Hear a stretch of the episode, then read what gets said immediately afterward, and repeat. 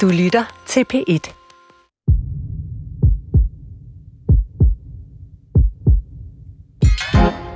Er der noget, som kan få snakken til at bulre hen over middagsbordet, så er det politik, vejret og kropslige skavanker. Men det sidste er altså en selekteret sandhed. Der er nogle sygdomme med mere underholdningsværdi end andre, og der er også stor forskel på, hvilke symptomer man holder tæt med, og hvilke man fortæller frit fra leveren om. Jeg snakker for eksempel uden problemer med venner om øh, stresssygemeldinger, rygsmerter og angst for blodpropper, selv folk, jeg ikke har set i lang tid. Og jeg sidder da også klar med mobile pay, når der er landsindsamling for brystkræft, og da jeg var ung, gik jeg forrest i diverse AIDS-marcher. Men der er også nogle sygdomme, som bare slet ikke har samme brand value, altså det dårlige i selskab af sygdommen. Hvornår var der sidst en landsindsamling for skedesvamp, for eksempel? Hvor tit underholder du familien med din stressinkontinens? Hvem går på barrikaderne for rygerlunger, skizofreni, kronisk diarré, endetarmskræft og skrumpelever? Det sidste siger jeg sådan lidt fornærmet i og med, at jeg selv forsker i netop skrumpelever. Og hvorfor er der nogle sygdomme, som er optursygdomme, og andre, som er nedtursygdomme? Hvorfor nogle sygdomme så skamfulde og ulækre, at man holder dem hermetisk tæt på kroppen, mens man let kan hente hjælp og støtte, skulle man være uheldig at få en af optursygdommene. Hvad betyder det for den finansielle støtte og for forskningen, at nogle sygdomme er mere sexede end andre? Vi har i dagens anledning omdannet Sygt Nok-studiet til et moderne reklamebyrå. Vi vil nemlig prøve at rebrande de sygdomme, som har ringe reklameværdi. Og derudover undersøger vi altså også, hvad så, øh, opmærksomhed på sygdomme betyder for patienterne og for din og min sundhed. Mit navn er Maja Thiele. Velkommen til. Og også velkommen til øh, dagens to gæster. Ida Strand, kommunikationschef i Kræftens Bekæmpelse. Tak. Og Camille Aulkær Andersen, partner i kommunikationsbyrået Kompas Kommunikation. Tak. Øh, hvad siger I til den her indledning? Altså, er jeg helt galt på den, eller, øh, eller passer det det der med, at der er sexede sygdomme og så mindre sexede sygdomme? Ja, helt klart, mm. vil jeg sige. Altså, det er offentlig kendt hemmelighed, at der er noget, der er nemmere at kommunikere, og noget, der måske er lidt mere... Jeg synes jo, sexet er sådan lidt et, et skævt ord at bruge, fordi det skulle ikke særlig sexet at have en kræftsygdom. Men der er jo nogle sygdomme, som er mere populære i kommunikation end andre, og det er jo fordi, de andre er så tabubelagte ja. eller stigmatiserende. Eller... Så, så igen, altså, vi skal nok lade være med at snakke om sygdom som noget med altså, øh, flot røv og, og, og, øh, og lækre bryster, men, men mere, altså, at der er, noget, der er bare noget, der er lettere at snakke om, både på det individuelle plan og på samfundsplan. I der strand sådan, i kræftens bekæmpelse har I også altså, samme fornemmelse, der er nogen, der, der bare er lettere at komme ud med budskabet om.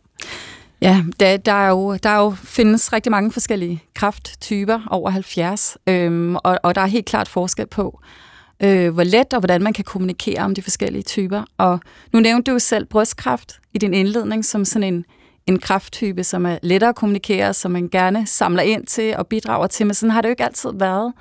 Og det er jo også lidt det i forhold til, hvad kan kommunikation gøre? Altså hvis man går 20 år tilbage, så, så var det stigmatiserende at have brystkræft. Øhm, og, øh, og det var ikke noget, man talte om på den måde, man gør i dag. I dag er der jo et kæmpe community omkring det. Der er indsamlinger, der er en stor verdensomspændende bevægelse. Øh, det, det lyserøde, ja, de tema, lige præcis, ser ikke? og man ja. ser, og det bruger vi også i vores kommunikation, man ser øh, kvinder barbere deres hår af på Instagram sammen med deres børn, man ser kvinder, der viser deres overkrop og deres ar, som står frem, som ikke er skamfuld over at have den her sygdom og være i behandling osv.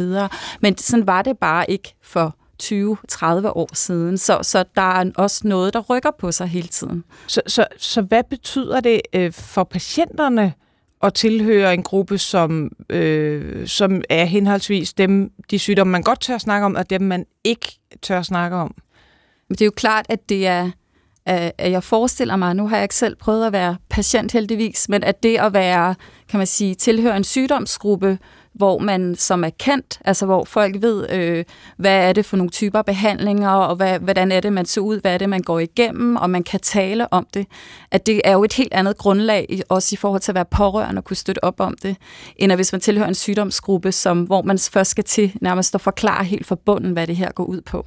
Mener du i virkeligheden, at behandlingen kan være bedre, hvis man har en af de sygdomme, som er øh, bredt kendt? Det er i hvert fald jo, kan man sige, måske lettere at få viden og, og også, øh, kan man sige, spørge, kunne spørge ind til sit sygdomsforløb. Øh, det, det skaber et helt andet grundlag for at kunne tale om det og gå ind i sit sygdomsforløb. Jeg må sige, sådan, som, som sundhedspersonale, så synes jeg, min oplevelse er, at de sygdomme, og det, altså, det er helt på gefyl det her, men de sygdomme, hvor der er en meget direkte forståelse blandt patienter om, eller, eller øh, tro på patienter og pårørende om, at det her det er min egen skyld det er de ufede sygdomme. Altså det er der, hvor man sidder og kryber ned i stolen og, og øh, øh undskylder over for lægen og føler allerede det øjeblik, man træder ind ad døren til konsultationen, at man i virkeligheden ikke altså, øh, har ret til noget som helst. Øh, ja, øh, typisk sygdom, øh, som er sådan tydeligt associeret til til rygning, ikke? Altså, øh, vi kalder det jo stadig rygerlunger, øh, øh, kol eller kronisk bronkitis, øh, øh, lungekræft eksempelvis. Og inden for mit felt, som er, som er leversygdommen, så øh, alkoholrelateret skrumpelever, det er den helt store øh, årsag til skrumpelever herhjemme. Øh, og der er det jo nærmest også, altså de, de øh, patienter, jeg har, hvor skrumpeeleveren ikke skyldes alkohol, de har jo også enormt travlt med at sige, at de har altså ikke drukket. De har ikke drukket for meget hele deres liv, og vil jeg nu ikke nok tro på dem?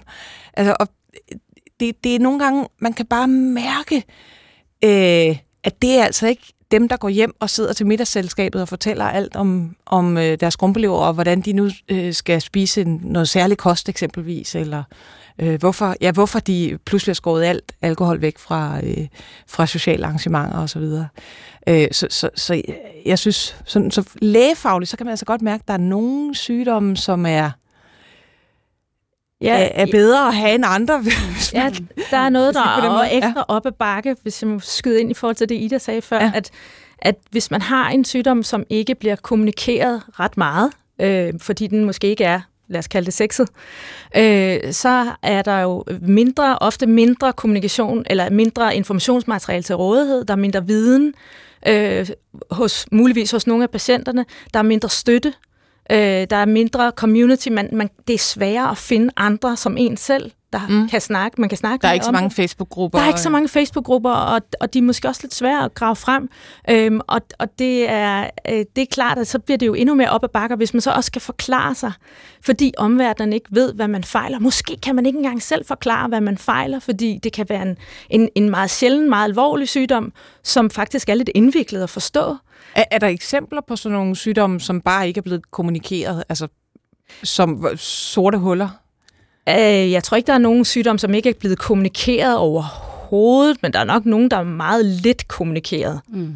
Øh, og der er i hvert fald nogen, øh, altså jeg har da i hvert fald øh, erfaring med at kommunikere om nogen, som, som virkelig har, øh, ikke har, hvor der ikke har været ret meget som udgangspunkt, og så er det altså svært. Hvis jeg nu sådan, øh, tager forskerhatten på, så kunne jeg også være øh, lidt provokerende at sige, jamen, hvorfor skal vi overhovedet bruge så mange penge på øh, at kommunikere om sygdommen, når vi meget bedre kunne bruge det til forskning, finde nogle behandlinger, øh, finde nogle måder at håndtere øh, folk, der har de her sygdomme på, i stedet for så meget snak. Og det spørger du kommunikationsfolk Det spørger jeg to kommunikationsfolk om. Hvad nytter ja. det? ja, hvad nytter det? muligvis et biased svar, ja. Hvor lang tid har vi? Nej, øh, altså, øh, hvis jeg skal starte, så vil jeg sige, altså først og fremmest, der er jo mange forskellige typer af kommunikation, når man taler om sygdom. Altså, der er jo den type af kommunikation, kan man sige, i forhold til patienter og pårørende, som jo handler om det der med, at man skal klæde sig ordentligt på og vide, hvad det er for et forhandlingsbeløb, hvad for nogle spørgsmål, og hvad er det ligesom, man kigger ind i, i forhold til at være syg og have de her sygdomme. Så der kan man sige, der spiller kommunikation. Noget, man egentlig vil kalde information eller ja, vidensdeling. Men, men det er ikke altid givet, at det ligesom er der. Øhm, og, og der er også noget med at blive mødt på de rigtige tidspunkter, altså i sit sygdomsforløb. Man skal ikke have serveret det hele. Man skal ikke have statistikkerne lige når man får sin diagnose, for alle sygdomsforløb er forskellige. Så det er også faktisk også en lidt kompliceret type kommunikation, som ikke sådan bare er en folder, ikke? men man kan sige, der, der er kommunikation enormt vigtig, og særligt i forhold til at skabe håb, altså for patienten, øhm, og, og, og føle sig tryg i sit behandlingsforløb. Men så er der jo også den type kommunikation, der er sådan den bredere kendskab til sygdommen, som vi har været inde på allerede, som jo, altså hvor man netop i forhold til brystkræft for eksempel, eller prostata et andet godt eksempel på, hvor kommunikation ligesom rykker nogle grænser og får os lige pludselig til at tale om tingene, og til at skabe en awareness, øh, som også gør, at der kan komme nogle midler til forskningen. Så på den måde er kommunikation også med til at generere midler til den forskning, som jo så sådan grundlæggende er så vigtig. Og så er kommunikation vigtig i forhold til at bekæmpe fake news.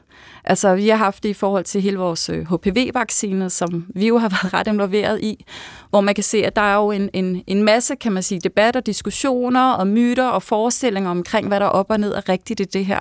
Og der er kommunikation jo også vigtig, mm. kan man sige, i forhold til at få, øh, få forklaret, øh, øh, gerne videnskabeligt, ikke, øh, øh, hvad det er, det handler om. Så, så altså, øh, hvad kan man sige, en, en, en øh, i virkeligheden sådan en lidt samfundsnyttig form for kommunikation, at man lurer ud i i nogle, nogle øh, forkerte antagelser i, i det her tilfælde, altså om øh, livmoderhalskræft, øh, vaccinen, øh, vaccinen mod det, øh, og, og så skaber noget, noget i virkeligheden politisk medvind blandt politikere og dem, som har øh, pengene i de forskellige forskningsfonde.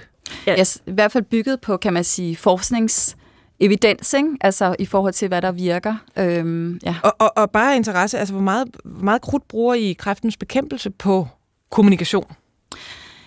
Vi bruger altså øh, en del krudt på kommunikation, altså både i forhold til sygdomskommunikation og i forhold til det her awareness, øh, fordi at, at det er jo også derigennem, vi får indsamlet midler, så vi kan forske, og så vi kan lave patientstøtte og rådgivning og lave oplysning. Men så bruger vi også en del kræfter på forebyggelse, øh, på øh, forebyggende kampagner. Øh, øh, hvad siger du, øh, Camilla Aulke Andersen? Altså, jeg, min... jeg, jeg bruger alt mit krudt på ja. kommunikation, kan man sige. Og, og jeg, jeg er helt enig med Ida. Altså, god kommunikation, det giver jo øh, altså en, en, en følelse hos mange patienter af at, at have en større kontrol øh, at have en større viden om, at de fejler, og dermed også en, øh, den, det, vi kalder patient empowerment, altså evnen også til at, at finde ro i, i sit behandlingsforløb, øh, vide, hvad man, hvad man har brug for at snakke med en læge om.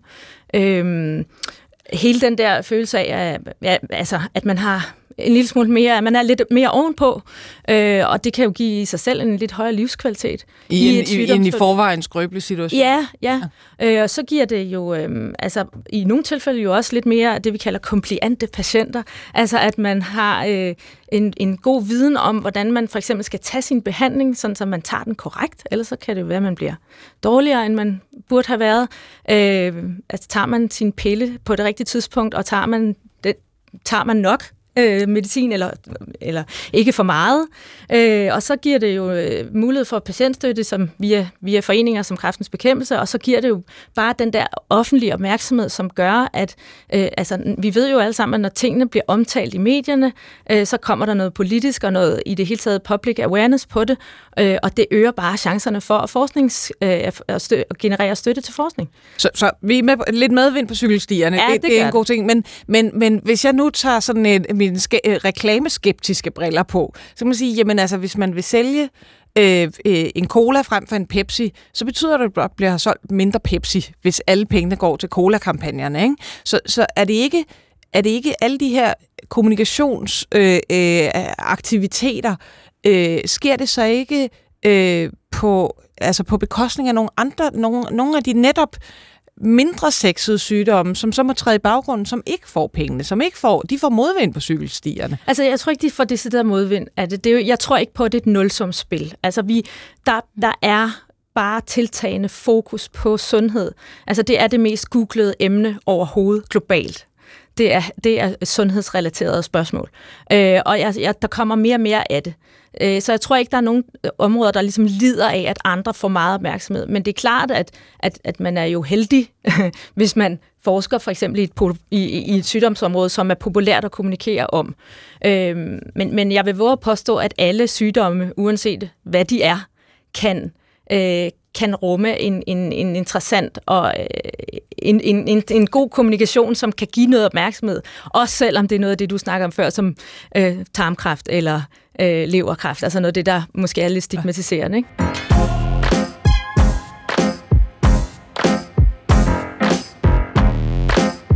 Og, øh, og det med at, at rebrande leversygdommen, det, det gør vi lidt senere.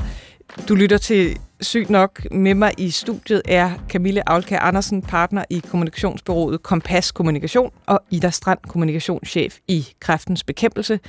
Og øh, den vakse lytter spørger måske sig selv, hvad laver to kommunikationsfolk i et øh, program om sundhed og sygdom, men det er selvfølgelig, fordi vi snakker om øh, opturssygdommene versus nedturssygdommene, og hvordan man kan, øh, hvordan det betyder noget for sygdommen, hvilke øh, sådan anførselstegn brands de har.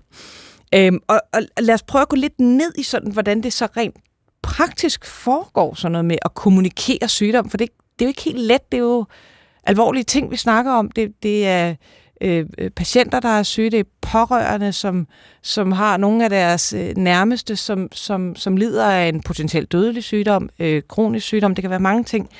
Øh, hvilke overvejelser gør man, når man skal kommunikere noget øh, så alvorligt? Øh, vil du ikke begynde, Camille?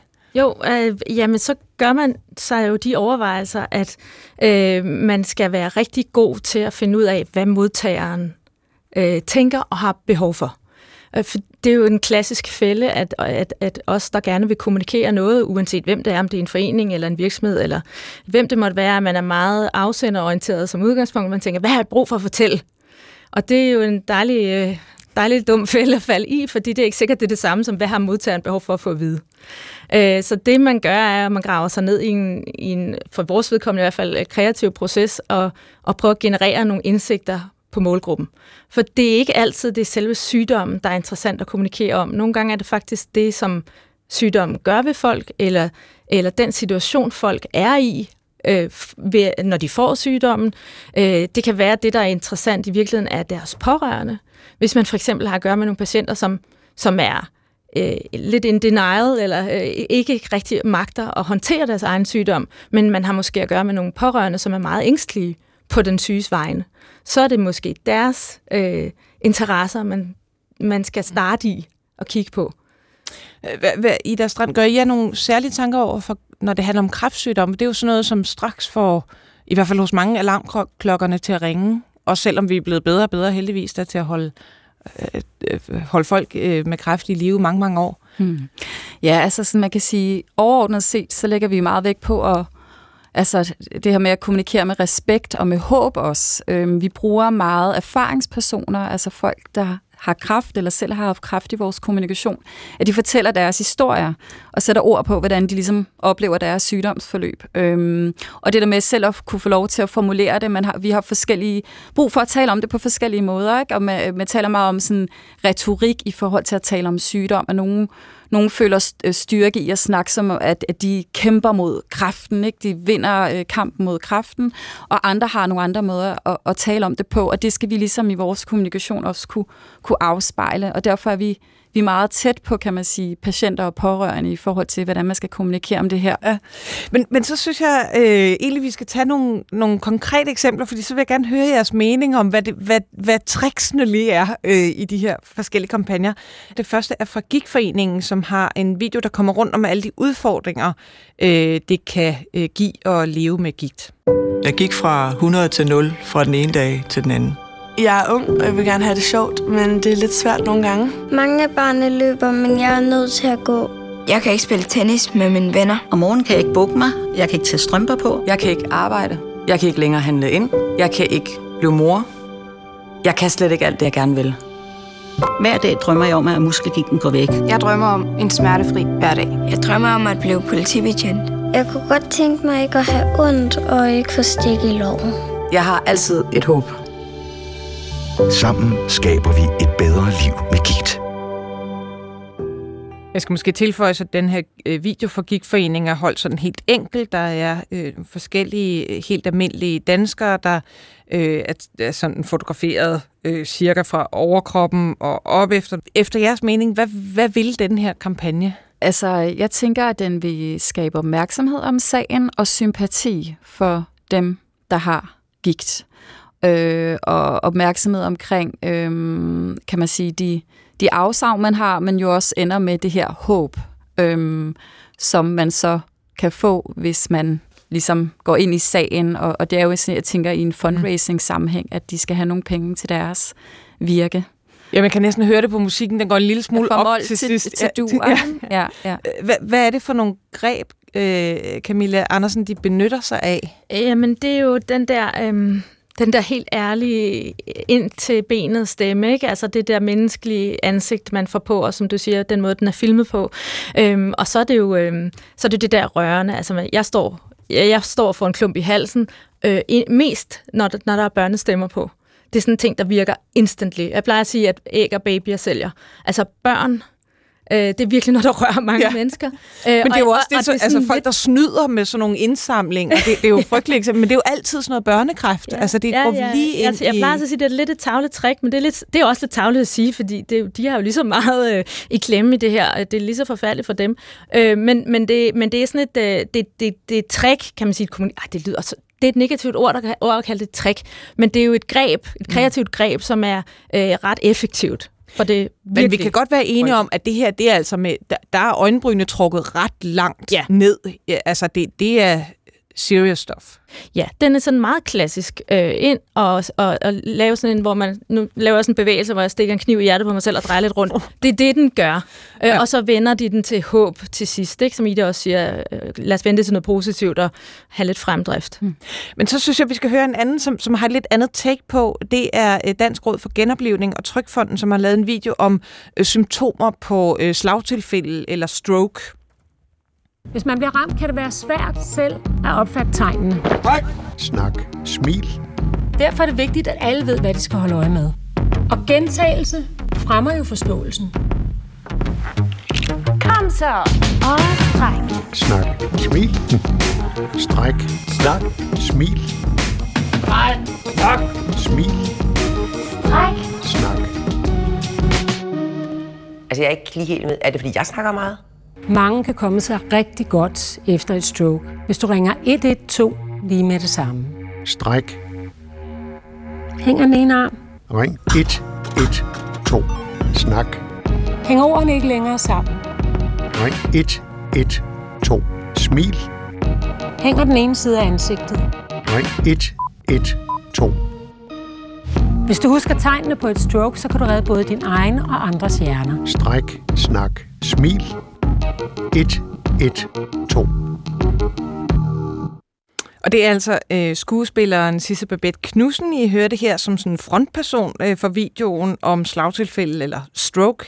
Øh, men derudover er der altså, altså også en her af danske øh, kendiser i sådan små øh, ret hurtige klip øh, og med sjove baggrunde og farverige og sådan noget. Der er jamen altså øh, Mette Horn, Lars Bum, Johnny Reimer, Herr Skæg, øh, øh, Johnny Hansen fra Candice, Charlotte Birkov, som er fitnessinstruktør osv. osv. Oven i købet øh, den tidligere udenrigsminister og formand for Venstre, Uffe Ellemann Jensen, øh, lægger altså også øh, stemmen til de her øh, huskeord, stræk, snak, smil.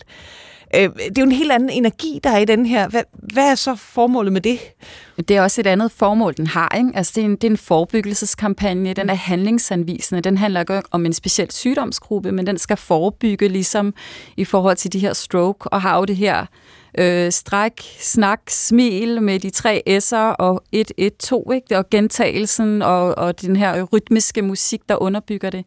Øh, og, og man kan sige, at den type kampagner har også lettere ved at kunne bruge humor øh, end, end, end sådan mere, kan man sige, klassiske kampagner, der, der går ind og fagner eller skal i tale sætte en, en sygdomsgruppe, som den vi hørte før.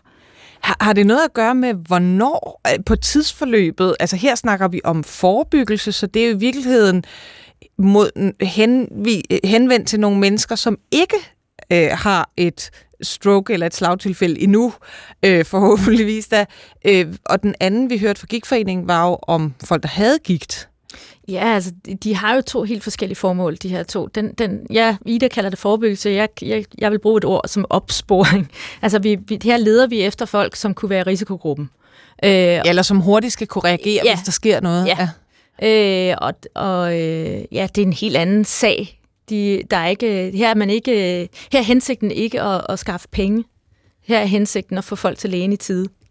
Øh, og derfor er det bare en, en, en, en helt anden mulighed for at kommunikere med, med brug af humor, som du også siger, og, øh, og, og øh, musik og rytme og noget med at huske. Altså her, her handler det om at få folk til at genkende sig en, en handling, når de står i situationen. Øh, og, og det har man jo gjort rigtig mange gange igennem tiden i kampagner. Jeg tror, mange af os, der har en vis alder, kan huske øh, fløjte øh, det der lille fløjteriff fra øh, kondomkampagne, dengang AIDS var en meget farlig ting. Øh, den der jeg fløjter virkelig dårligt, beklager. øhm, men den husker rigtig mange stadigvæk. Øh, altså det her med at lave en sang eller en rytme eller noget, der er catchy, fordi folk skal kunne huske det, når de står i situationen, og de pårørende skal også kunne huske det. Så det er i virkeligheden meget mere en, en, en øh, huskeremse, vi er ude i her. Ja. Mm. Hvordan med det med humor? Fordi det, det synes jeg personligt... Øh, helt personligt synes jeg som regel, humor gør det lettere, når man skal kommunikere øh, både med øh, patienter og med pårørende, men jeg man kan også fornemme, at det er meget, meget individuelt. Altså der er nogen, jeg, jeg plejer aldrig at indlede med humor, men ligesom prøve at fornemme, hvor er folk ja. henne her. Og der er nogen, der rigtig gerne vil have så meget altså værkstedshumor som muligt, og så er der nogen, der vil have noget underspil, og så er der nogen, der bare slet ikke. Altså der skal det bare være så alvorligt som overhovedet muligt. Og det, det er jo en, en fin balance. Hvordan undgår man at træde nogen over tæerne, når man behandler et, ja, et, et alvorligt emne? Ja, altså humor er også, der er en ret bred skala inden for humor. Øh, og jeg, jeg plejer egentlig at hellere kalde det sådan kuriositet. Altså fordi det er egentlig sjældent, at vi kan bruge humor som sådan haha-humor. Øh, det kan man godt komme til at træde nogle år til med, men man kan godt bruge det der lidt overraskende element, som for, lige får folk til at trække på smilebåndet. Det er nogle gange et lidt lettere sted at starte, end at vi har en ambition om at få folk til at grine højt. Det gør man sjældent i sådan en sygdomsoplysningssammenhæng. Det er ikke det, man sidder og klapper sig på loven. Nej, men det der med at kunne øh, gøre folk opmærksom ved at give dem en sådan lille overraskelse, at man sådan tænker, hov, nå, gud, nå ja, det kan da godt. Og så smiler man måske lidt, fordi jeg smilede for eksempel lidt nu her, da vi stod og hørte eksemplet med, med, med stroke, fordi øh, Lotte Heise, at hendes stemme er meget karakteristisk, og hun siger et eller andet øh, undervejs. Er det jeg, mig, der taler for ja, meget? Ja, og jeg hørte med det samme, at det var hende, og tænkte, yes, det var da skægt. Og så trak jeg på smilebåndet, men jeg står jo ikke og griner ja. af det. Jeg synes, der er en stor forskel fra at bruge øh, lune øh, eller kuriositet til at bruge humor. Mm. Hvad, hvad med med kræft, Ida Strand? Er der, er der nogle øh, us, uskrevne regler for humor og kræft? Jeg tror, det er svært at generalisere, men jeg tror, som du beskriver, i den nære relation ikke, mellem læge og patient, eller i sin, øh, der, der, der kan man jo bruge humor, men som du også altså, selv beskriver det der med, at man har en indføling. Hvem er det, man sidder over for, og, og, og, og hvad duer ligesom her i forhold til kommunikationen? Jeg vil sige, i forhold til sådan, den bredere kommunikation, der, der bruger vi ikke normalt øh, humor, fordi det er ikke sjovt at have kræft. Øh, men man kan sige, der kan være nogle gange nogle af vores øh, patienter, som vi bruger i vores kommunikation, som selv bruger humoren. Og der er det så måske øh, øh, kan man sige, øh, øh, mere tilladt, ikke? fordi så er det patienten selv, der ligesom har serveretten på det.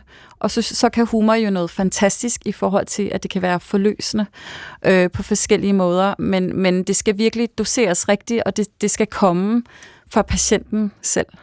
Jeg synes, vi skal høre et, et andet godt eksempel på den der sådan lidt, lidt overraskende øh, humor. Den kommer fra Depressionsforeningen, som jo netop altså, har at gøre med et emne, som ikke nødvendigvis er særlig sjovt. Øh, her sætter de fokus på sådan nogle myter om, hvordan man kan hjælpe folk med en depression. Gud, hej Anna. Hvad, har du det godt, eller hvad? Nej, jeg, jeg har det egentlig ikke så godt for tiden. Du ser, du ser godt ud. Min læge mistænker måske, at øh, jeg har en, en depression. Du skal bare tænke positivt. Altså, lad være med at se så sort på tingene. Ja, um... Og måske bare sådan, du ved, trække gardinerne fra dig hjemme og gå nogle ture, så du får cleared the mind. Mm, ja, jeg er bare træt. Ja, klart, okay, ja. Du har brug for at sove noget mere. Altså, jeg sover perfekt. Mindst 8 timer hver nat. Du skal måske heller ikke lige spise havrefras, så skal du have nogle havregryn i stedet for. Men ja, jeg bliver nødt til at smutte nu. Kan du have det godt? Kan ikke bekæmpe depression ved at skifte din havrefras ud med havregryn. Depression er en sygdom. Du kan få rigtig hjælp.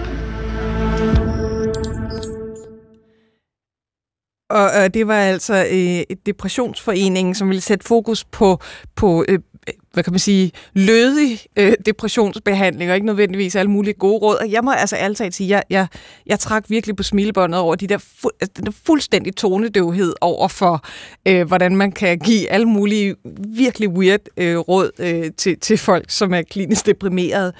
Øh, hvad vil den her kampagne?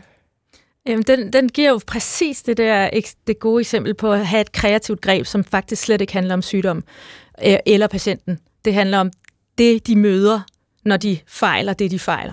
Og så har den en lille ekstra krølle, som jeg faktisk synes er meget interessant, nemlig at den også lige sikrer sig, at, øhm, at vi lige alle sammen er klar over, at depression er faktisk en sygdom. Øh, fordi der er jo nogle sygdomme, som ikke er opfattet som sygdomme.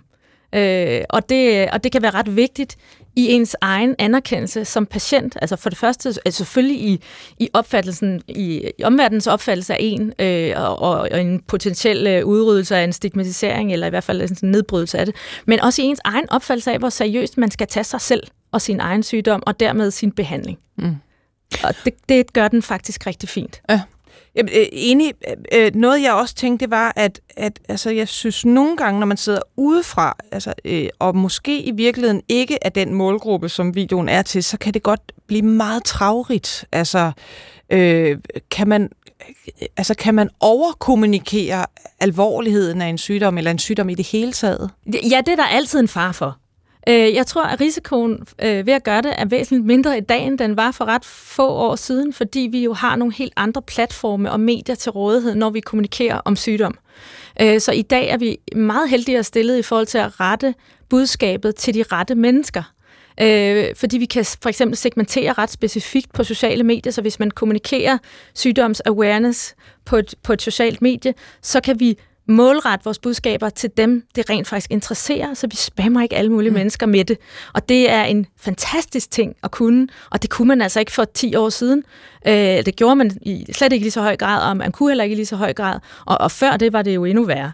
Så var man jo nødt til at smække nærmest en, en, en, købe en halvsides øh, avisside, ikke? For, og, og så læser alle med. Og hvorfor skal du så læse om depression, hvis du ikke er deprimeret?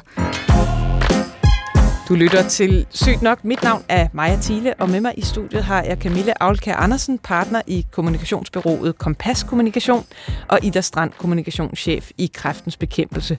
Og vi snakker om branding af sygdomme, og hvorfor der er nogle sygdomme, som er mere lækre end andre, og hvad det så betyder for samfundet og for øh, de enkelte patienter og pårørende, øh, som har de forskellige sygdomme. Og som den vakse lytter måske ved, så er jeg øh, selv læge øh, med speciale i leversygdomme, og så forsker jeg også i leveren.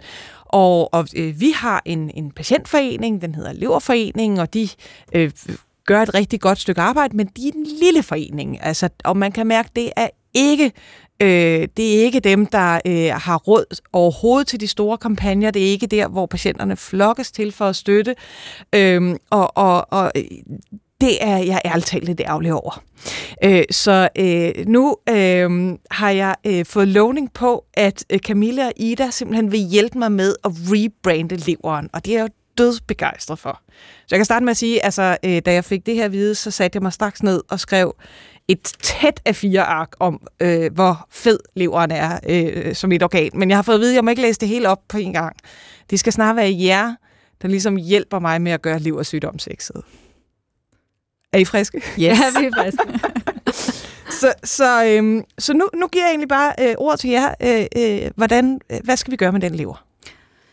Altså, når jeg først tænker leversygdom, så tænker jeg jo, øhm, altså, øh, hvis det er skrumpelever eller andet, så tænker man jo alkohol. Altså, det er jo sådan klassisk forbundet, altså kan man sige, øh, der er mange fordomme, øh, eller i hvert fald antagelser forbundet med det. Så jeg vil starte med at finde ud af, hvad er egentlig op og ned mm. i forhold til det der, hvor, hvor meget skyldes alkoholpåvirkning, og, og øh, hvad er sådan ligesom egentlig, fordi der kan jo være nogle ting i det, nogle fordomme, nogle misforståelser, man kan starte med at få ryddet op i. Jamen altså, meget apropos øh, tidligere snak med overvægt, så øh, i gamle dage, så kaldte man det alkoholisk øh, leversygdom, når man havde øh, sådan skrumpelever udløst af alkohol, og her i Danmark er det cirka 80 procent af, af alle med skrumpelever, som har alkohol som medvirkende faktor.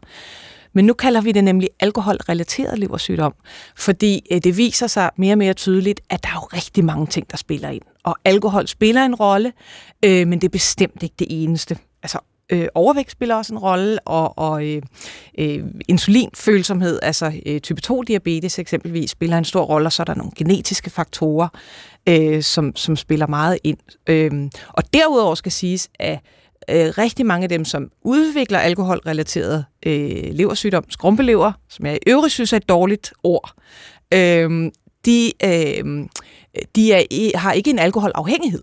Altså de er, er sådan typisk øh, alkoholoverforbrugende, men uden nødvendigvis at have en afhængighed hvis det kan hjælpe lidt ja. til rebranding. Altså, ja, min umiddelbare tanke, om, når du siger lever, så tænker jeg jo, at det er et sindssygt spændende organ, for det er jo et, det organ, som, øh, så vidt jeg ved, nu er jeg jo ikke læge, men så vidt jeg ved, at det er det organ, som er bedst til at regenerere sig selv.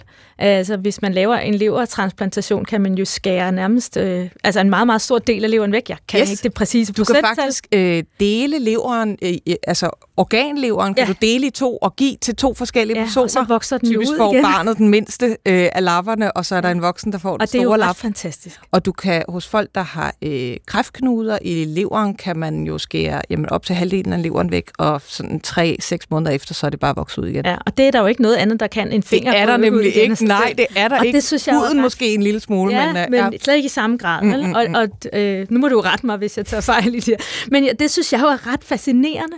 Øh, og jeg ved godt, at, at leveren jo er forbundet med noget, der er sådan lidt ulækkert også, fordi den ser ud, som den gør og sådan noget. Man tænker måske ikke lige, det er sådan, at det nemmeste at sælge. Men, øh, men jeg... Den har da sådan en flot rødbrun, dyb rødbrun farve. Ja, det er sådan noget, læger altid synes, at, at organer er flotte eller smukke. Det, det, det synes Ah, de fleste andre mennesker ikke. Men øh, så vil jeg kigge på, hvordan har patienter, øh, som har skrumpelever det. Øh, og det, som jeg umiddelbart øh, lige sådan kan øh, sådan, øh, grave frem, er, at det, øh, de er påvirket øh, på deres energiniveau. Øh, de har altså nedsat energi, de har nedsat øh, sexlyst, og de har nedsat appetit. Og så tænker jeg, det er jo livet. Det er jo de tre ting, som rigtig Ja, mange søren mennesker Ja, ja. synes, at det, der Ja. deres livskvalitet handler om. Ja. Altså, øh, og, og så og, og, synes- og så ja. er det det, der skrumper. Ja. Livet, der skrumper. Ja. Og så synes jeg jo, altså som, som leverlæge, synes jeg også, det er død uretfærdigt, fordi øhm, øh, jeg plejer at kalde leveren det generte organ. At det giver virkelig ikke lyd fra sig. Det er som den der pæne pige, der sidder i klassen og altid laver sine lektier, øh, og aldrig øh, brokker sig. Altså man mærker ikke noget til sin lever. Der er ikke nogen, øh, man kan brænde og skære i leveren, man mærker ikke noget til det. Øh, og så er det først, når de der virkelig trælse symptomer kommer, at, at og, og leveren i virkeligheden er blevet så syg, at den er øh, meget for meget syg, at man typisk opdager det. Så, så øh, når jeg prøver at lave mine små kampagner, så er det jo for at få øh, mine kolleger i lægestand, men øh, bestemt også øh, folk, som har risikofaktor for at udvikle leversygdom, til at lade sig undersøge. Mm. Ja, og så kan leveren, man tænker måske på leveren som et rensningsorgan. Øh, ja, men der er men meget kan jo- andet. ja, der er ma- så meget andet. Det var altså. jo det, jeg skulle til at sige. Den kan jo alt muligt, og den laver jo alt muligt. Den, Den producerer laver, den en laver hel masse ting. galle, den opbevarer øh, A-vitamin, B-vitamin, øh, den aktiverer D-vitamin, den aktiverer øh, kønshormoner, den øh, sørger jo for at stabilisere vores øh, fasteblodsukker, mm-hmm. så Mhm. vi kan faste jamen, i dage ugevis, og alligevel have et stabilt højt blodsukker. Den modtager alt blod fra tarmene, så det er det første, det er i virkeligheden vores fordøjelsesorgan. Det er Ja. ligesom lungerne for fordøjelsen, ikke? Den tager det hele ind, og så øh, fordeler den det til resten af kroppen, så den Jo. står for størkningssystemet og immunforsvaret, og Og det er der, hvor jeg så tænker, men hvis, øh, hvis vi skal bra- rebrande leveren, så skal, vi holde, så skal vi prøve at kigge lidt på, at hvis man opfatter den som et rensningsorgan, så skal vi have lavet det om. Øh, fordi det er den ikke kun. Altså, et produktionsorgan. Det er et produktionsorgan. Så, så det, er jo en, det kunne være en af krogene i det. H- Hvad med det med alkoholen? Fordi nu min pointe er, at der er faktisk ikke nogen tegn. Man kan, altså, når tegnene kommer, så, så er det som regel for sent. Så det er i virkeligheden forebyggelse. Ja. Altså man skal forebygge, øhm, så skal man drikke mindre. Det er også, også et svært budskab at, øh, at sælge i Danmark. Altså, så, så jo, jeg vil da som, som leverlæge øh, helt klart øh, gerne have, at, øh, at der generelt var færre, som havde et overforbrug af alkohol, øh, i og med, at det ville medføre betydeligt færre, som døde af, mm. Mm. af skrumpelever. Øh, men, men jeg vil jo egentlig også gerne have dem, som er i risiko, altså som, som øh, er i, i risikogrupperne til at kende hvad kan man sige, kende til leversygdommen, og, og vide, at det her det er en risiko, og det er noget, man kan blive undersøgt for. Ja, vil du gerne have dem til at gå til lægen? Ja. Mm. Ja, men du vil ikke have for mange til at gå til lægen. Du vil kun have de rigtige til at gå til lægen. Ja. Du vil kun have dem, hvor det virkelig er, hvor de virkelig er øh, styrende. Jo, jeg vil, jeg vil heller ikke øh, have hele Danmarks befolkning gå rundt og bævende angst for Mm, mm, nej. lede af leversygdom. Nej, skræmmekampagner har man aldrig Nej. kommet mm. så langt med. Så vi vil gerne have dem til at gå til lægen. Øh, Og jeg vil også gerne have dem til at ture snakke med deres læge om leversygdom, fordi det er øh, tit når vi får folk henvist, øh, så er det for noget helt andet. Mm. Ja. Altså, så er det fordi, de, så siger de, de har ondt i maven, eller... Ja, og det er jo en klassisk Øhm, øhm, ja. situation, det der. Mm. Det er ikke kun dig, der står med det problem. Så jeg vil også gerne afstigmatisere mm. øh, lidt, hvis man må have to, Ja, altså det er derfor, to ønsker mm. i en kampagne. Mm. Og det er derfor, jeg ikke synes, man skal tabe leveren helt af syne i det. Altså det, det, det der er spændende, fascinerende ved organet, fordi det kan være en krog i kampagnen. At man, at man, det kan være med til at gøre, at patienterne har et større mod på at gå til lægen. Hvis de ikke selv synes, at det, de fejler, er helt håbløst, eller det, de kunne fejle, er helt håbløst og lidt ulækkert. Mm. Har I nogle eksempler på, hvordan man kan sådan, altså, kommunikere den der fascination ved et organ? Jeg tænker, det er jo sådan, altså jeg kan godt forstå, hvor du vil hen, altså fordi det er sådan, du, du er læge, altså så det der med at være fascineret af organer, men jeg tænker, hvis man er leversyg, så er jeg ikke sikker på, at man er så fascineret af sin egen sygdom, men, øh, mm. men altså... Øh, det, det lyder tror jeg heller om, ikke nødvendigvis, nej. At du skulle ud i noget omkring at bekæmpe fordomme, fordi du startede med at sige, at der er faktisk mange andre, altså man behøver ikke have et overforbrug af alkohol, og måske det er der, vi skal hen. Fordi når, hvis man kommer og siger, at man har skrumpelever, eller man har en leversygdom og skal have snakken med sin læser, så ligger der måske indirekte en eller anden antagelse om, at så er man alkoholiker. Og det er måske den, man skal arbejde med, øh, og, og nedbryde nogle af de fordomme, og sige, man, man kan faktisk godt være disponeret på anden måde, og man selvom man ikke har et overforbrug, men måske drikker et glas vin om ugen, eller hvordan og hvorledes nu, så kan man, kan man være disponeret for noget af det her. Og det er vigtigt, at man reagerer på de de, de Ja, eller, eller i virkeligheden, at, at man kan jo sagtens have et overforbrug, uden at være afhængig, uden at have en afhængighed. Ja, ja. ja. du er ikke nødvendigvis øh, helt ude på de vilde våger, bare fordi du godt kan lide at drikke rødvin i weekenden. Ja. Øhm, der er masser af eksempler på kampagner, som har fungeret fint ved at i talesætte, øh, eller give, øh, kan man sige, modtageren den der give, give lidt kærlighed til det der, vi snakker om. Altså, det, det, det organ, vi taler om, uanset om det er leveren eller noget andet. Øhm, det er, det er fedt, og det er sejt, og det kan noget. Og, altså, et, et, et eksempel, som er en helt anden boldgade, men det er jo, når man, når man kommunikerer om kroppen og sygdom og sundhed til børn. Så har man jo, øh, jeg tror, der var en billedbog, da jeg var barn, som, som gjorde øhm, øh, eller blodcellerne, hvad du nu vil kalde dem, øh, til, altså, gav dem en personificering, ikke? gjorde de hvide blodlægmer til politimænd, og, eller, eller ambulanceredere, eller, øh, og ligesom gav dem en, en identitet, sådan så barnet forstod, hvad gør de her forskellige blodlægmer. Og det kan jo være med til, at man får den der følelse af, at min krop er sej, den kan noget, den er, den er fed, jeg skal passe på den.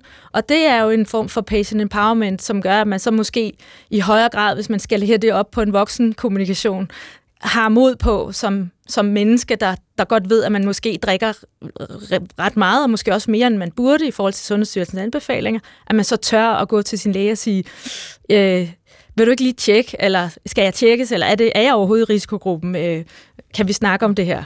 Så, så måske skal jeg i virkeligheden, i stedet for at sige, at leveren er øh, et genert organ, som ikke giver lyd fra sig, og som bare sidder nede og arbejder, som heller ikke er så vild med at feste, skal lige siges. Øh, I hvert fald ikke alt for meget fest. Øh, så, så skal jeg mere sige, at det er, det er den der personlige husven, som sørger for alt i huset. Altså for ikke bare bære skraldet ud, men også øh, sætte friske blomster på bordene og fordele, fordele. Ja, okay. Ej, nu tror jeg ikke, man kommer så langt nødvendigvis med en kampagne, som sådan gør det, gør det der sådan, øh, personificering, man kan bruge over for børn. Også, altså, det, det er ikke nødvendigvis, det fungerer for voksne på den måde, men, men man kan godt i overført betydning arbejde med det der med at, at give en følelsen af, at det er okay, jeg skal passe på min krop, og den er faktisk ret sej. Jeg tager i hvert fald øh, med mig øh, på mit lille noteskort, at øh, en skrumpelever kan skrumpe livet for patienterne, og, øh, og så har jeg ellers taget noter, så, så øh, danskerne kan godt forvente sig øh, lidt af en rebranding øh, her i de kommende år. Mit navn er Maja Thiele, og vi snakker om sygdomme og forskel i, hvor meget øh, forskellige sygdomme får af opmærksomhed, altså egentlig hvor øh, anførselstegn sexet øh, sygdommen kan være. Øh, jeg har med mig i studiet Camilla Aulkær Andersen, partner i kommunikationsbyrået Kompas Kommunikation og Ida Strand, kommunikationschef i Kræftens Bekæmpelse. Til jer begge to, øh, hvilke tendenser er der inden for kommunikation fremadrettet, inden for sygdomskommunikation? Øh, jeg tror, at der er øh, mere brug af, af det her kuriositet, som vi talte om tidligere. Altså, at, at man... Øh, tårperseren er en lille smule nem at, at gribe i. Den er på vej ud? Kreativt. Nej, jeg tror ikke, den er på vej ud, fordi det er jo et meget virksomt greb. kreativt. Men jeg tror, at vi vil se lidt mere stille og roligt, kommer det lidt mere af det der lidt mere finurlige, hvor, som faktisk kræver mere, øh, altså kræver ret meget øh, af, en, af en kreativ proces at, at tænke det frem. Øh, og det kræver, at man jo er enormt god til at holde den der balance mellem, hvornår det er for lidt og hvornår det er for meget, øh, som vi har talt om, for eksempel i, i form af, af humor. Ida Strand, hvilke tanker gør I jer på kræftens bekæmpelse omkring fremtidens kommunikation? Det, som vi, tænker jeg, har fokus på og skal blive bedre til, det er jo sådan og nå også ind til de målgrupper, som er svære at nå, altså i forhold til socioøkonomisk, øh, som ikke er på de medieformer, vi måske traditionelt bruger. Øh, øh, folk, øh, der er anlændings herkomst, eller som ikke, ikke taler dansk. Altså der er forskellige, kan man sige, barriere i kommunikationen. Øh, og, og de grupper får jo også kraft. Øh, så det, det, det, øh, der skal vi jo, og det arbejder vi jo på at være mere og mere opmærksom på, hvordan når vi de grupper, hvad er det for nogle kanaler, vi skal bruge. Og det tror jeg også er det, man, man vil se generelt generelt en tendens til, at sygdomskommunikation bliver mere og mere differentieret, altså mere og mere på de konkrete målgrupper i forhold til, hvad man vil opnå. Er det forebyggende? Er det oplysende? Altså, hvad er det i virkeligheden, øh, vi, vi skal bruge det til?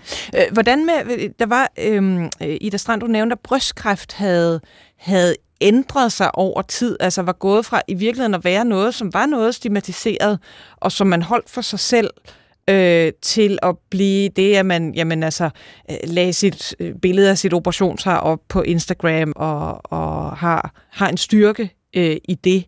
Øh, er, er det noget, som er en, øh, en, en tiltagende trend i tiden, når det handler om tarmbetændelserne, altså de kroniske tarmbetændelser, der er også rigtig mange af de unge øh, mennesker, som ender med stomi, som faktisk altså mere og mere åbne om den stomi, og, og, og, og viser den frem som, mm. som led i sådan et empowerment? Er, det, er, der, er der trends her? Ja, der er helt sikkert en, en udvikling i gang, som jeg tror er mere en, en trend, men som er sådan en, en, en blivende udvikling, hvor vi bliver bedre og bedre til at tale om sygdom, og bedre og bedre til at arbejde med, med noget af de stigmatiseringer og fordomme. Der kan jeg synes, det øh, depressioner, som vi hørte før, og psykisk sygdom er også et rigtig andet godt eksempel. Altså det, det er vi også bare blevet meget bedre til at, til at tale om. Der kan sikkert der er fremskridt stadigvæk, der, øh, der skal gøres, men, men, øh, men, men det bevæger sig rigtig meget. Det gør det jo også, fordi at, at patienterne øh, gerne vil stille sig frem. Altså den bevægelse skal bæres af dem, der har sygdommen. Altså den autenticitet, der er, og, og det er dem, der kan sætte ord på, hvordan det opleves at have en sygdom, hvordan det opleves at være igennem en behandling, øhm, eller de pårørende for den sags skyld. Så, så, så, og det, Camille nævnte jo før hele mediebilledet, altså udvikling i forhold til sociale medier, det giver jo nogle helt andre muligheder for, at de her stemmer øh, kan komme ud. Altså vi har vi bruger enormt meget sociale medier på, på kraftens bekæmpelse, Instagram og Facebook, og det, det er rigtig stærke kanaler til at nå ud med nogle af de her øh, historier, som erfaringspersonerne selv optager og selv selv laver, så det, det er en, en, en stor bevægelse, der er i gang, og jeg tænker også, at med tiden skal den også nok nå til nogle af de sygdomsområder, som er svære at kommunikere om. Altså prostatakræft er et meget godt eksempel mm. med hele Movember-bevægelsen med mændene, der gror skægge. Den kommer fra USA. Prostatakræft har været rigtig svært at tale om, at det er stadig svært at få mænd til at gå til lægen. Men det her, det har virkelig også rykket noget. Og, og, altså, og, og hvad, har, hvad har corona betydet så for for fremtidens kommunikation? For der har jo været massiv jamen det seneste halvandet år øh, kommunikation øh, måske ikke sådan øh, egentlig kampagner, men i hvert fald, ja, det har der jo også fra Sundhedsstyrelsens øh, side af, men, men, men der har været virkelig meget om corona. Har man lært nogle ting, både øh, fordele og ulemper i den forbindelse? Altså, ja, vi har jo lært øh, som befolkning øh, nogle helt nye ord at kende, som øh, RNA-vaccine og antistoffer og smittetryk og alle de der dejlige corona-ord, øh, og det, det, det gør jo, at der, der er en helt anden, tror jeg, offentlig bevidsthed øh, om, om lige præcis, øh, det er jo så infektionsmedicin og vi, virus, øh, men, men øh, jeg, tror, jeg tror, at det går lidt i sig selv igen, fordi øh, jeg tror, der er en mætning, man har nået et mætningspunkt i, hvor meget man orker at tage ind af sygdomskommunikation mm. lige på det område. Men, men det har vel også været det modsatte af hvad en så bred kommunikation, at den skulle nå alle, hele befolkningen skulle lære at spritte eller vaske hænder og øh, bære maske og holde sig fra hinanden. Så det forsvinder. Ja, altså, jeg vil sige, jeg, jeg tror, at nogle af de gode vaner vil hænge ved. Øh, altså, det, det, det håber jeg. Øh, og det, det har sat fokus på, er jo også den der kollektiv omsorg. Altså, øhm, det er ikke, og det hænger, hænger en lille smule sammen med de der stigmatiseringsproblematikker. Altså, øh, det er ikke dig, der er skyld i din egen sygdom. Du er ikke alene med det. Vi er sammen om det, og hvis jeg nu passer på, at jeg ikke smitter dig, og selvom jeg ikke ved, om jeg er syg, så passer du på, at du ikke smitter mig, og så er vi sammen om at løfte et fælles kollektivt ansvar. Jeg håber lidt, at den der omsorg og, og fokus på forebyggelsen hænger ved, Øh, og, og selvfølgelig, at håndhygiejnen jo hænger ved, det tænker jeg er en meget god vane, at vi bliver ved med det. Mm. Øhm, så så jeg, jeg håber, at der er noget af det der det gode ved det, der bliver der. Og så tror jeg, men jeg tror bare desværre også, at der er en, en, en, en mæt, et mætningspunkt, at vi er nået sådan et sted, hvor det hænger folk ud af halsen og hører om det, og at man derfor virkelig trænger til at høre om noget andet. Og, og, og nu sagde jeg før, at det er ikke et nulsumspil, øh, det her med at skabe opmærksomhed om sygdom, men, men man skal selvfølgelig stadigvæk, øh, altså det bliver nødt til at blive doseret i rette mængder på rette tidspunkter, mm. fordi ellers så, så, så orker vi ikke at tage det ind. Det er jo ikke specielt øh, sjovt. Men, men Ida Strand, når I skal lave fremtidige kampagner om, om, om kræft, øh, kommer I så til at tænke ind den der altså fælles omsorg og, og prøve at spille på det? Øhm, Ja, og det, det synes jeg jo, altså vi har jo nogle aktiviteter. Vi har jo Knæk Cancer, som er et stort øh, øh, indsamlingsshow, der er landsdækkende. Vi, vi har jo mange, sådan kan man sige, aktiviteter, fordi kræft er en, en folkesygdom. Altså vi kender alle nogen, der har det eller har haft det. Øh, og en tredjedel, øh, hver tredje os får kraft, ikke? inden vi bliver 75 år. Så på den måde er det jo, kan man sige, øh, øh en, en, øh, en bred platform, vi står på. Øh, vi har haft mange overvejelser også under corona, fordi det er klart, at der har, der er et mætningspunkt. Altså det er jeg helt enig med Camille i. Øh, og man kan sige, øh, men sygdommene har jo ikke holdt, holdt øh, coronafri. Altså øh, kræft har ikke øh, øh, holdt fri, og det har de andre sygdomme jo heller ikke. Så, så der er jo en opgave med at få folk altså tilbage stadig reagerer på symptomer og, og, og komme til at gå til lægen, og, og der er noget kommunikation omkring det, øhm, som, som jeg tænker, alle patientforeninger øh, ligesom står med nu, øh, den udfordring. Mm. Jeg tror, hvis ja. jeg må tilføje en lille ting, så det, det har gjort, er jo, øh, hvis man kigger på det sådan helt øh, kommunikationsplatforms-wise, så er der jo sket nogle ting digitalt, som har gjort, at det øh, på mange måder kan være lidt nemmere at være patient. Det er for eksempel blevet øh, mere, langt mere almindeligt at have en videokonsultation med sin praktiserende læge, end det var før. Øh, der er rigtig mange apps, der er kommet øh, på markedet nu, som kan nogle gode funktionaliteter, som der måske har været efterspurgt tidligere, og det er gået lidt langsomt med.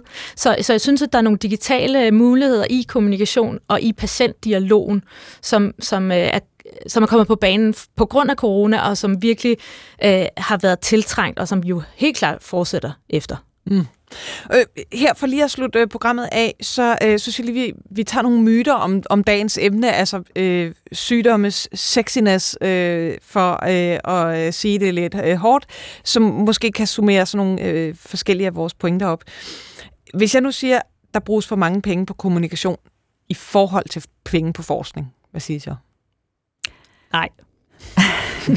Hvorfor ikke? Nej, fordi det hele hænger sammen. Jo mere vi kommunikerer om sygdommen, jo bedre bliver, jo nemmere bliver det at generere penge til forskning. Mm. Øhm, man får en dårligere behandling, hvis man har en livsstilssygdom, hvor der er en, en forventning eller formodning om, at man selv er ude om det. Eksempelvis rygning.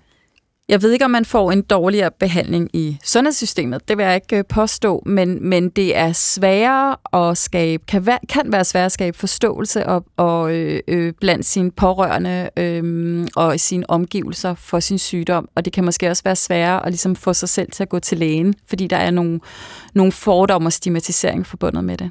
Jeg vil sige, som sundhedsperson, så er der jo faktisk lavet øh, studier af sundhedspersonales øh, ikke selvstigmatisering, men, men øh, stigmatisering af, af patienter, og der er vi altså desværre ikke øh, bedre end alle andre.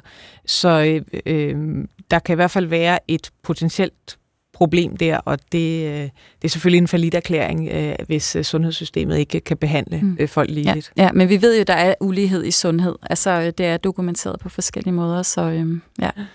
Vi tager lige en myte mere. Øh, kommunikatører inden for sygdom og sundhed er bare i lommerne på medicinalindustrien. det, det vil jeg godt svare på. øh, det, det synes jeg jo ikke, vi er. Øh, blandt andet fordi det er vores opgave at rådgive korrekt i forhold til loven. Hvad må man sige, og hvad må man ikke sige, når man skal kommunikere om øh, sygdom eller medicin. Øh, og, øh, og det er også vores ansvar at rådgive ærligt og fortælle øh, de virksomheder, som vi rådgiver, når de har fået en dårlig idé, eller når de gerne vil noget, som vi ved ikke virker, eller som vi tænker, det er nok nogen, der bliver sure over. Øh, så det, det betragter jeg, altså, altså jeg synes, vi har nogle ret høje etiske standarder for, hvordan vi Hvordan Men det er vel ikke forkert at sige, at, at en, altså et hvilket som helst firma, som gerne vil sælge en pille mod, ja, eksempelvis øh, øh, ledegigt, de har interesse i, at ledegigt har en stor opmærksomhed. Ja, men der, skal, der er jo det dejlige system i Danmark, at vi har en ret stram lovgivning på området, så hvis man gerne vil sælge noget, der er receptpligtigt, så må man slet ikke snakke om det ud til den brede befolkning. Så jeg, så jeg som rådgiver må ikke øh, fortælle Ida, øh, hvis Ida har kræft, at hun skal bede om en bestemt øh, type medicin til behandling af hendes sygdom. Men jeg må godt fortælle hende om hendes sygdom. Øh, og jeg må gerne fortælle hende, øh, at hun øh, skal passe på sig selv, at hun måske skal gå til lægen, eller hvordan hun med fordel kan snakke med sin læge om, om de problemer, hun har. Så jeg, jeg kan kun løfte det, vi kalder hele markedet. Jeg kan løfte alle de behandlinger, der er på det område, men jeg kan ikke øh, sælge et bestemt produkt til, en, til, til den almindelige befolkning. Og det tror jeg blev de sidste øh, ord for øh, dagens program. Tusind tak til mine to gæster. Camille Aulkær Andersen, partner i kommunikationsbyrået Kompas Kommunikation, og Ida Strand, kommunikationschef i Kræftens Bekæmpelse. Mit navn er Maja Thiele, og programmet blev i dag produceret af Victoria Tubenu og Frederik Bjerg Andersen. I kan skrive til os på sygt nok og øh, I kan også lytte til alle vores tidligere programmer på podcast, på DR's radioapp, eller hvor I ellers øh, finder jeres podcast. Vi lyttes ved næste gang.